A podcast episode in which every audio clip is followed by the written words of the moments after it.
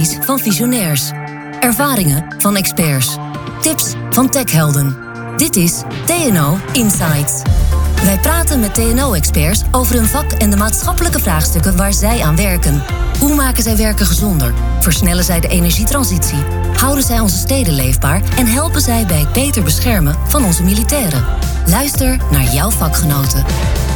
Dit is TNO Insights. Welkom bij TNO Insights. Ik ben Glenn van den Burg.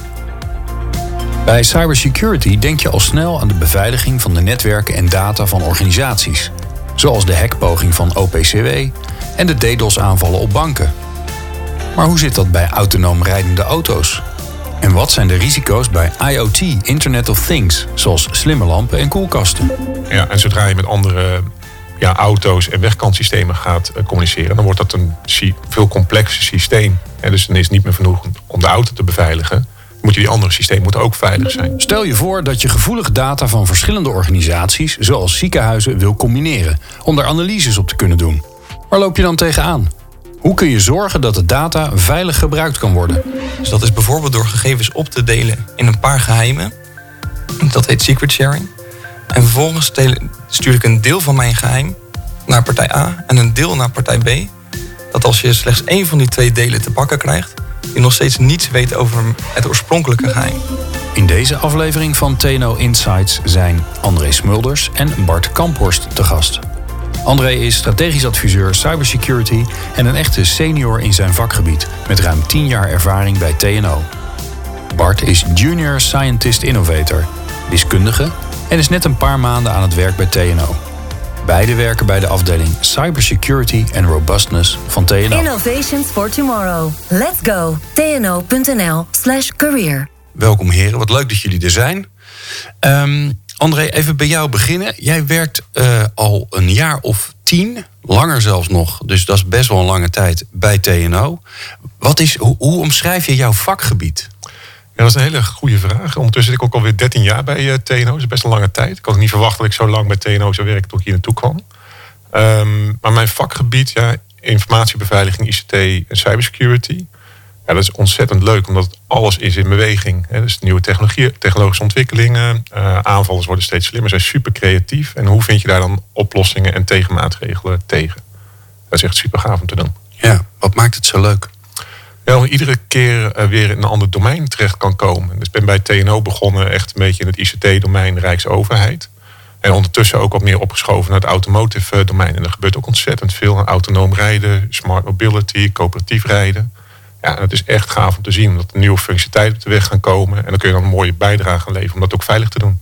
Ja, want dat is natuurlijk, hè, uh, volgens mij een aantal jaar geleden hoorde je er eigenlijk relatief veel minder over.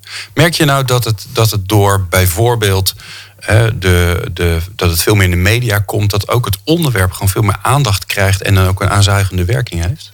Ja, ik denk dat het tweeledig is. Aan de ene kant uh, steeds meer aandacht voor in de, de media. Uh, maar aan de andere kant zie je ook dat in steeds meer toepassingen gewoon IT een belangrijke rol speelt. En als je ergens IT in gaat stoppen, dan kom je met security in aanraking. En dat vergeten we nog wel eens, hè? Ja, en zeker ook waar je allemaal afhankelijk van wordt. Dat is soms ook heel verrassend. Ja. Als je nou autonoom rijden neemt, hè, ik ben hier vandaag, uh, we zitten in Den Haag op het hoofdkantoor van TNO. Uh, ik ben hier vandaag met mijn auto naartoe gekomen. Die uh, houdt zichzelf binnen de baan, die houdt afstand. Tenminste, ik ga ervan uit dat hij dat doet en ik vertrouw daarop. Um, wat, wat is nou het risico wat daarin zit? Dus wat moet je dan beveiligen? En wat zouden mensen die daar misbruik van kunnen maken, wat gaan ze dan doen? Nou, ik denk dat met uh, autonoom rijden, ook die functie die je nu noemt, dat het allemaal wel best wel oké is. Dat zit allemaal in de auto uh, nog. Uh, ik denk wat spannender gaat worden als bijvoorbeeld auto's afhankelijk gaan worden van kaartdata die ergens van een cloud service af gaan komen. En heel veel aandacht, dat is echt heel erg goed, gaat nu echt over het hacken van de auto. En daar moet je ook aandacht voor hebben. Uh, wat interessant binnen TNO, dat ook die, die volgende generatie problematiek naar het kijken zijn. Dus hoe maak je nou een auto veilig als je een heel complex dynamisch ecosysteem gaat acteren? Ja, en neem ons daar eens in mee. Hoe, zie, hoe zou dat ecosysteem eruit kunnen gaan zien? Nou, wat je nu bijvoorbeeld ziet is dat uh, die auto die je nu net noemt, uh, die rijdt zelf binnen lijn, doet hij ook helemaal zelf. Hè. Die is ook niet afhankelijk van andere auto's. Um, als je bijvoorbeeld naar coöperatief rijden gaat kijken, dan gaan auto's met elkaar communiceren met stoplichten um, om uh, verkeersdoorstromen beter te maken of uh, verkeers, uh, ja, de uitstoot omlaag te brengen. Ja, en zodra je met andere ja, auto's en wegkantsystemen gaat communiceren, dan wordt dat een veel complexer systeem. En dus dan is het niet meer genoeg om de auto te beveiligen. Moet je die andere systemen moeten ook veilig zijn. Ja. En vooral die afhankelijkheden, die nemen toe. Eh, maar dat betekent ook dat die andere onderdelen veilig moeten zijn. Want anders is jouw auto straks ook niet veilig meer. Nou, en dat is best wel een ingewikkelde puzzel af en toe. En het, het, klinkt, uh, het klinkt toekomstmuziek, het klinkt ver weg. Hoe ver weg is het of hoe dichtbij is het? Uh, die, die inschatting kan ik heel moeilijk maken. Omdat er zoveel factoren een rol spelen. Um, bijvoorbeeld, je ziet nu heel veel van nieuwe technologie. Uh, ook bijvoorbeeld autonome coöperatief rijden. Dat neemt best wel een vlucht. Hè. Er zijn ook heel veel experimenten. Uh, zie ondertussen ook dat er op regelgevinggebied ook al zaken gewoon aangepast moeten worden om dat mogelijk te maken. Nou, en ja, hoe dat precies gaat ontwikkelen, geen idee. Dat het gaat veranderen, weet ik wel, maar hoe? Geen, in, geen idee. Ik heb ooit eens gelezen dat ze, volgens mij hoorde ik dat bij DAF, uh, dat ze op de A67, dacht ik volgens mij, daar al een proef hebben, uitge, uh, een proef hebben gedaan met vrachtwagens die met elkaar communiceren. Bij de voorste eigenlijk bepaald wat er gebeurt en dat al die vrachtwagens met elkaar in verbinding staan. Schets nou eens het, het horrorscenario. De beveiliging is niet goed geregeld. Iemand die, uh, die kan erin. Wat kan die dan allemaal voor vervelende dingen doen? Nou, in theorie heel veel. Uh, waar wij vanuit de afdeling ook vooral naar kijken is wat zijn nou een beetje realistische scenario's. En ja, eigenlijk wat we op zoek zijn is wat de criminele business case nou eigenlijk is. En dus als er gewoon geen geld, mee, ja, als er geen geld mee te verdienen valt, waarom zijn dan effort steken in het hacken van die voertuigen? Er is een soort heroorscenario's, uh, wat je nu een beetje met computers hebt. Ja, zou je zo'n uh, ja, een soort crypto-lokker op je vrachtwagen kunnen zetten dat je niet mee kan rijden. Dat zou een scenario kunnen zijn. Uh, ander scenario zou, kunnen zijn als die vrachtwagens echt helemaal autonoom rijden. Ja, kan ik ze dan niet naar een plek laten rijden waar de criminelen makkelijk die vrachtwagen leeg kunnen roven. Nou, en vooral um, die doemscenario's nu, die helpen heel erg om na te denken wat moet je nou voorkomen. En als je er niet over nadenkt, hè, die beer op de weg af en toe ziet uh, dan ga je er ook niet aan werken. En dat is precies het spanningsveld waar we denken, ook als we met cybersecurity in zitten. Um, we moeten ook niet een uh, doemprofeet worden voor al die nieuwe technologie die gaat komen. Dus het is vooral bedoeld om eens na te denken, wat zou er mis kunnen gaan?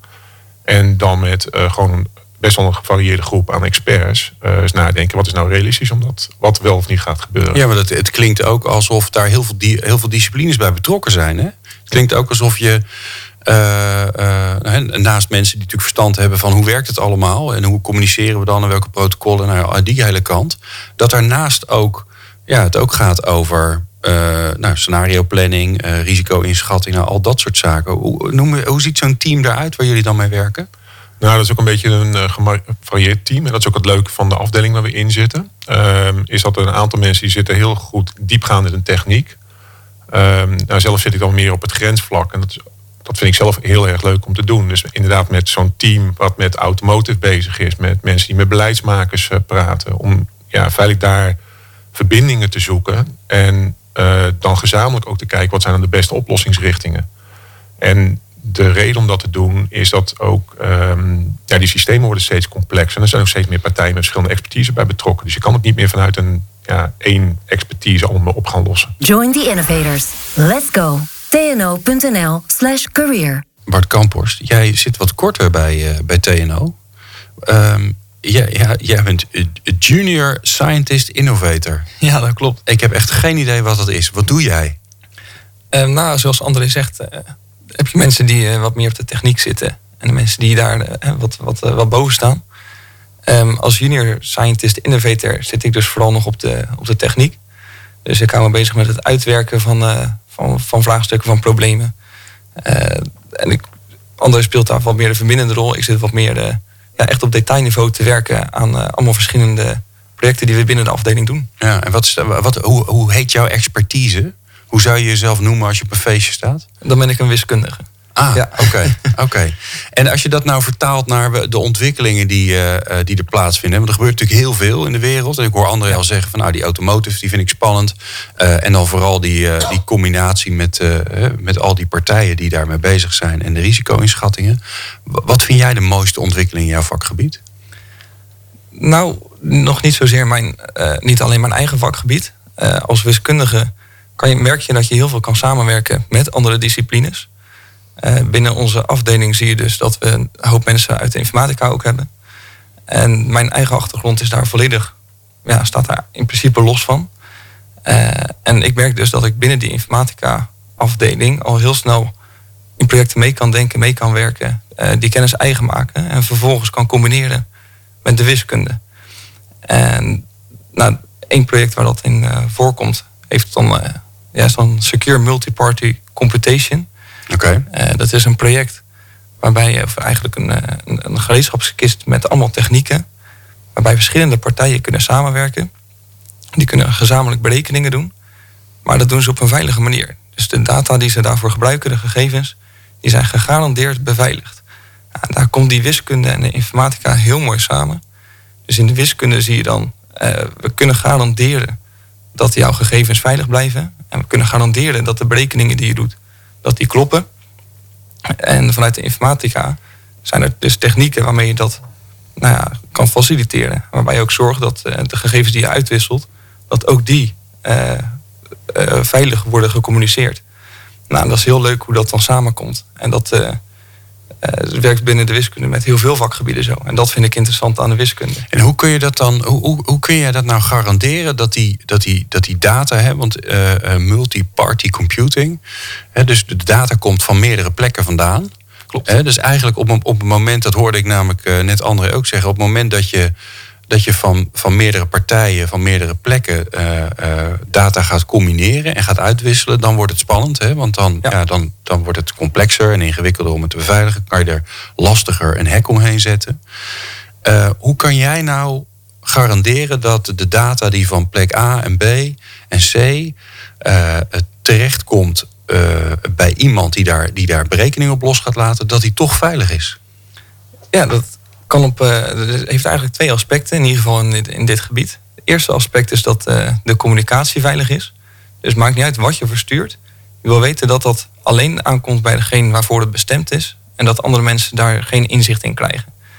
Uh, dat is vooral de informatica kant. En daar heb je dus allemaal ja, technieken binnen de informatica die zorgen dat dat veilig gaat. Het tweede deel is de gegevens die je verstuurt. hoe, hoe veilig zijn die? Of hoe gevoelig zijn die? En het, het, onderwerp waar ik dan het meest aan werk, dus dat uh, multi-party computation, kijkt eigenlijk naar manieren waarop de gegevens die we versturen op zichzelf heel weinig informatie bevatten. Dus dat is bijvoorbeeld door gegevens op te delen in een paar geheimen.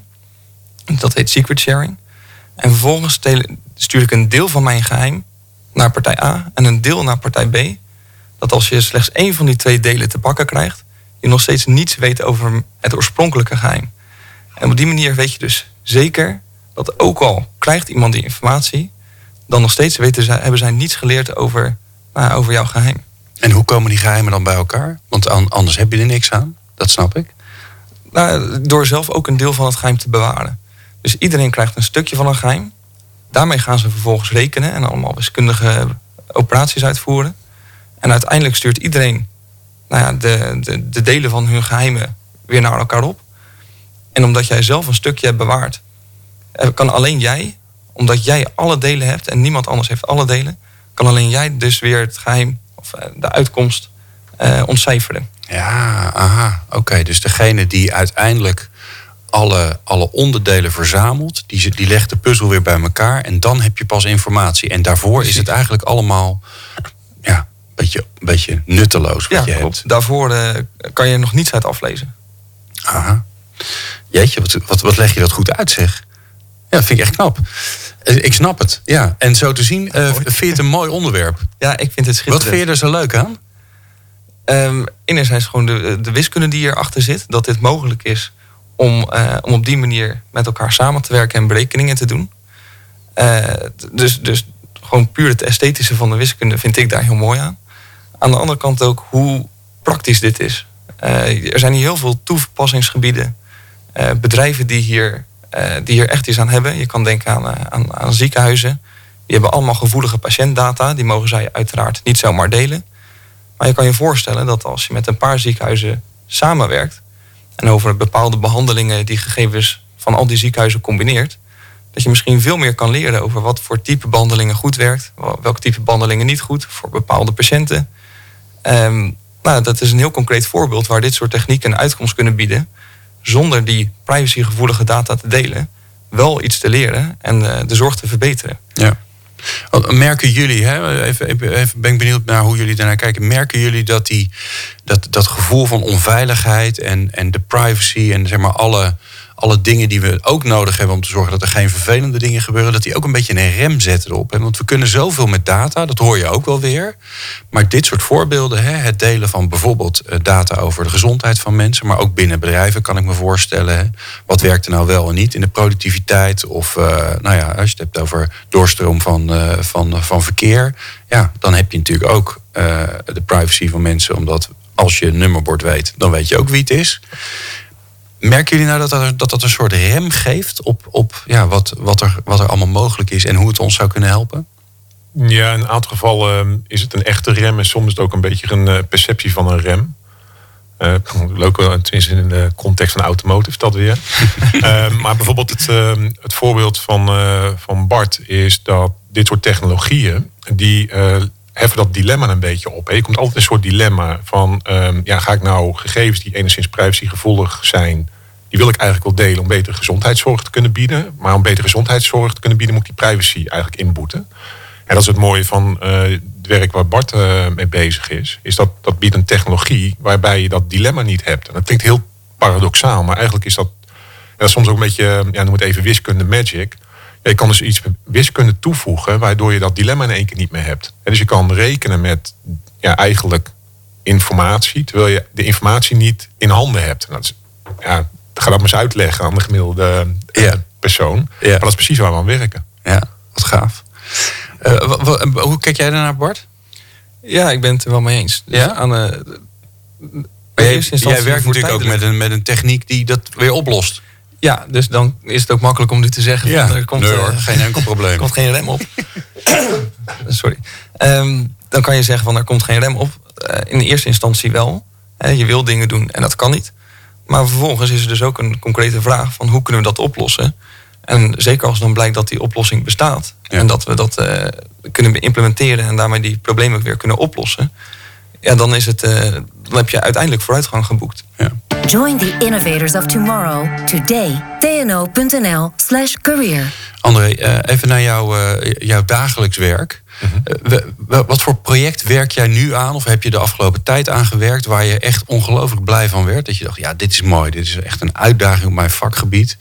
Ja, dat vind ik ook leuk, want dan binnen de afdeling werken. Er zijn bij ons ook mensen die werken gewoon dedicated aan 1, 2, 3 projecten. Dus relatief beperkt. Wat ik zelf heel leuk vind, is aan verschillende initiatieven tegelijkertijd te werken. Dus ik doe nu twee projecten binnen het automotive stuk. Ik ben met IoT security bezig. we zijn met automated security bezig. En wat ik zelf heel erg leuk vind, is dat je ook in verschillende domeinen met verschillende onderwerpen, concepten bezig kan zijn. En daar leun ik ook heel zwaar op mensen als Bart, die gewoon diepgaande technische kennis op bepaalde onderwerpen hebben. Om dan in gesprek te gaan en te snappen wat doet die technologie. En dat vertalen een toepassingsdomein en vervolgens die verbindingen op te zoeken. Dus als ik nu concreet kijk, um, doen in één project, een onderzoeksproject in, uh, uh, in Europees subsidieverband. Uh, op het gebied van automotive security. Um, op het gebied van IoT security doe ik nu een tweetal projecten. Vertel eens over die IoT, hè, want daar, daar horen we heel veel over. Maar om, om, nou, om nou echt te zeggen van waar, waar gebeurt het al en, en waar gaat het naartoe, dat, uh, dat is wel fijn om dat een beetje concreet te krijgen van jou. Ja, dus wat we nu uh, zien um, is dat de IoT security, uh, even los van wat IoT dan exact is, want er is ook nog wel een hoop fus over. maar laat zeggen dat IoT nou, kleine devices zijn die je overal neer kan zetten, daar kun je dingen mee doen. Is dat uh, wat ons betreft de focus heel erg is op het device zelf. Hè? Dus het device hacken. Dus zelfs met die auto, je hackt de auto. Ja, dat, dat is één aspect van een IoT-device. Een IoT-device zie je dat ja, vroeger was gewoon een kastje. En die koelkast, dat was de koelkast. En ook de grens van de koelkast was, als dat de grens was, dan kon je dat vastpakken en dat was het dan. Wat je nu gaat doen, is je stopt er oftewel een uh, echte stekker in of een virtuele stekker die een netwerkverbinding maakt. En vervolgens is dat ding verbonden met weet ik veel wat. En wat we nu aan het doen zijn, is uh, je krijgt zoveel van dat soort type devices op je af. Uh, dat het heel lastig wordt om te bepalen, zijn die dingen nou veilig of niet. Er komen heel veel variaties, ze zijn voor continue verandering. Dus een van de projecten waar we nu aan werken is van hoe automatiseer ik nou testen van dat soort devices. En dan kom je tegen allerlei problemen aan. Bijvoorbeeld dat je wel kan zeggen dat devices enigszins veilig kan niet hacken. Maar dat, zo'n device is afhankelijk van bijvoorbeeld software updates die ergens aan de cloud service komen. Nou, die cloud services worden tegenwoordig gewoon continu ontwikkeld. Hè. Dus, en soms zijn ze ook parallel beschikbaar. Ehm, en hoe ga ik dan vanuit het device bepalen of die data die uit die cloud komt nog wel veilig is? Nou, en dat is echt een uh, best wel ingewikkeld probleem. Je kan het wel de leverancier van die cloud vragen. Maar je weet niet altijd wie dat is, zeker als consument niet. Dus je gaat echt de keten in eigenlijk. Door te kijken van hoe. Hè, uh, mooi dat die koelkast niet te hacken is, maar hoe zit het met alles eromheen? Ja. Hè, los van het feit dat je natuurlijk ook kan afvragen. Ja, die koelkast hangt waarschijnlijk aan het wifi-netwerk van de, van de consument. Ja. ja, als hij dat open heeft staan, dat is misschien ook niet zo heel verstandig. Nee. Nou, dus dat aspect. En uh, dan krijg je ook meteen weer een, een probleem erbij. Is dat je dat netwerk niet meer kan overzien. En dus vanuit consument gezien, ja, geen idee waar ik allemaal aan vasthang. En uh, vooral dat, uh, ja, noem het even een soort as asymmetrie. Hè, dus de aanbieder weet eigenlijk alles. Als consument weet je eigenlijk niks. Uh, en hoe los je dat dan op? Zodat je toch iets kan zeggen over de security van jouw producten. Ja. Nou, dat is één aspect. En ook inderdaad, nu hangt dat apparaat aan het wifi-netwerk van de consument. Um, ja, als straks allemaal 5G-chips goedkoop in die devices komen, ja, weet ik veel waar dat ding aan hangt. Nou, dat zijn wel eens leuke puzzels van hoe ga ik dan zorgen dat die consument er enigszins veilig is. Ja. En schets je ons eens even, hè, in, in dit geval, dat, uh, dat de Europese IoT-project uh, uh, waar je aan werkt. Met wie werk je dan allemaal? Hoe ziet zo'n team eruit? In dit geval was de, dat Europese project. Oh, dat was de automotive. Maar dat ja. een soortgelijke project gaan we ook krijgen, gewoon een IoT. dat zijn interessante trajecten, want um, ook vanuit de Europese Commissie dat die projecten steeds groter worden. Dus het project waar we nu in zitten, zitten met 60 partners in. Uh, dan kun je ongeveer wel voorstellen hoe ingewikkeld dat is om dat een beetje te managen. Uh, maar dat varieert enorm. Daar zitten universiteiten in, uh, er zitten bedrijven in, er zitten andere researchinstellingen in, zoals we Vrouwenhover doen daarin mee. En wat interessant is om daar de partijen te vinden um, die ook op een aantal, noem het even, wat moeilijkere problemen werken. En dan binnen zo'n project ook ja, die dingen op te pakken gezamenlijk, zodat je ook naar een oplossing toe kan werken. Ja. En, en, en een gewone werkdag voor jou dan? Hè? Stel je voor, je gaat, je gaat op een gewone werkdag aan de slag met, met, dit, uh, met het automotive project, met die 60 Europese partners allemaal ingewikkeld. Ja. Wat doe je dan? Wat ik dan doe? Ja. Uh, nou, bijvoorbeeld uh, nou, laat ik eens even zeggen, eh, kijken wat nou een typische dag. Dat is heel moeilijk te beschrijven. Mijn dag ziet er iedere geen typische dagen. Ik heb geen typische dagen. ik heb ook vrij weinig dagen dat ik een hele dag aan één project te werk. Ja. En als het al gebeurt, bijvoorbeeld uh, was twee weken geleden zaten we twee dagen in uh, Leuven voor die Europese projectmeeting. Oké. Okay. Nou, dan is het uh, ene kant kijken wat heb je nou aan deliverables in zo'n project en zorgen dat dat uh, met die partijen die daar mee moeten werken goed in uh, banen komt. Aan de andere kant zijn we ook mee proberen daar contact te zoeken met partijen zoals onderzoeksinstellingen en andere bedrijven. Zeggen we hebben een aantal grote problemen in welke mate jullie geïnteresseerd om mee gaan te werken. Dus mijn rol is enerzijds inhoudelijk consultant expert. Andere kant probeer ik ook nieuwe projecten mee te, te ontwikkelen. En dat doe ik ook samen met uh, business developers vanuit TNO maar, en ook van verschillende afdelingen. Dus mijn typische dag bestaat uit um, ja, praten met de experts en begrijpen wat ze aan het doen zijn en input leveren wat ik dan gehoord heb. Uh, veel telefoneren, e-mailen, rapporten schrijven, meetings hebben. Ben je veel pad? Um, ja, redelijk. Uh, deze week toevallig veel binnen. Uh, maar ik denk dat ik ja, ja, veel, wat is veel. Ik zat vroeger bij Capgemini, er was veel. Was je alleen maar op pad? Was alleen ja. maar op pad, ook altijd bij klanten. En dat is het leuke hier, we werken gewoon met teams. En dus teams vanuit TNO werken we aan projecten. En als ik dan op pad ben, denk ik dat ik uh, één, twee dagen in de week zo'n beetje buiten de deur zit voor afspraken. Oké, okay. ja. En dat vind jij een mooie balans? Ja, voor mij werkt dat heel erg prettig. Ja. En dat is ook nogmaals het leuke van dat ook afhankelijk van waar je behoefte aan hebt, dat we dat ook in het team uh, borgt, dat je dat kan gaan doen. Innovations for tomorrow. Let's go. tno.nl slash career. Bart, wat is het, uh, het project waar je aan, uh, aan werkt, waar je nu heel enthousiast van wordt? Ja, ik was zo enthousiast dat ik daar net al over aan praten was natuurlijk.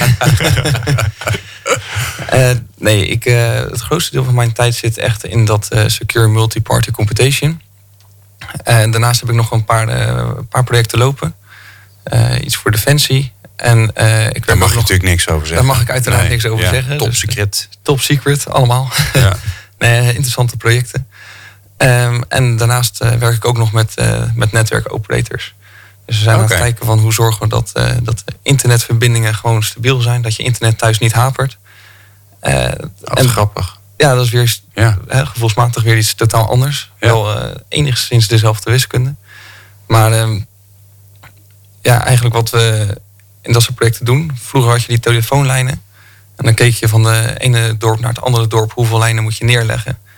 Uh, zodat iedereen elkaar kan bellen. Dat de kans groot is dat er een uh, lijn beschikbaar is.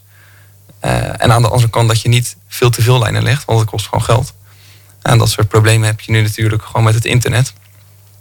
En dan kijken we ook naar hoe we, hoe we dat kunnen oplossen. Hoe we kunnen kijken ja, hoeveel, hoeveel je kan investeren. Maar dan kijk, kijk je dan naar, uh, naar de databewegingen uh, op dat netwerk van die, uh, van die provider.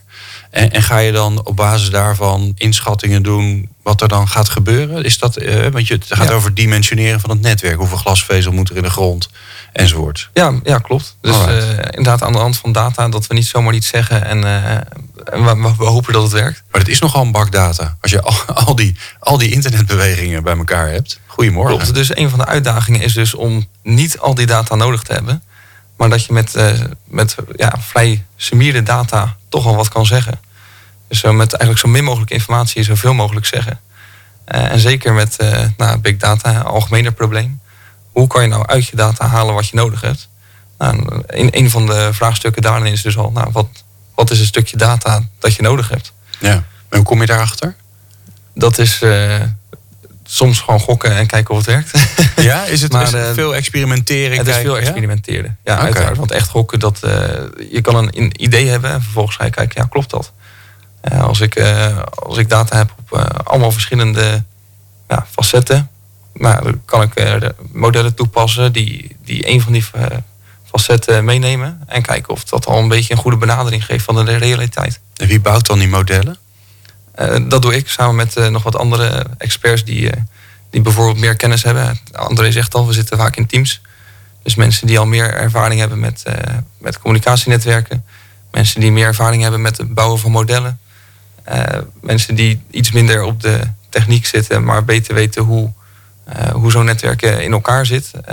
wat met wat communiceert, noem maar op. Ja. Dus dan zie je weer dat je inderdaad in zo'n team de verschillende expertises bij elkaar brengt om dan gezamenlijk tot zo'n model te En noemen ze een aantal van de, van de mensen die, die, die, waar je mee samenwerkt, die echt een andere expertise hebben dan, dan dat jij hebt, zodat, zodat uh, uh, ja, jouw uh, vakgenoten een beetje een beeld kunnen vormen? Ja, ik, naar onze afdeling, die, of eigenlijk sowieso een TNO, heeft een deel overgenomen van KPN vroeger.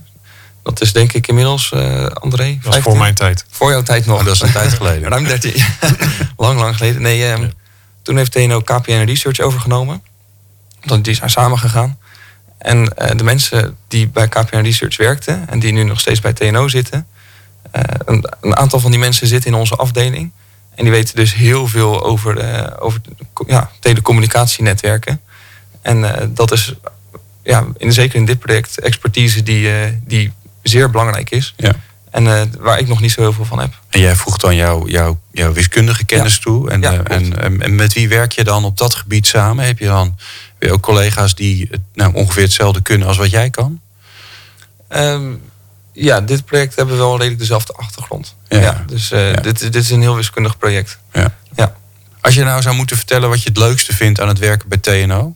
En je bent vier maanden binnen, dus dat is, uh, dat, dat, is niet heel lang. Maar het leuke is daardoor wel dat je nog heel fris bent. En, uh, en, en echt van buitenaf kunt kijken van... goh, wat gebeurt hier nou eigenlijk? Ja, nee, het leukste, dat vond ik al toen ik kwam solliciteren. En dat vind ik nog steeds het leukste is hoe enthousiast mensen zijn over wat ze hier doen.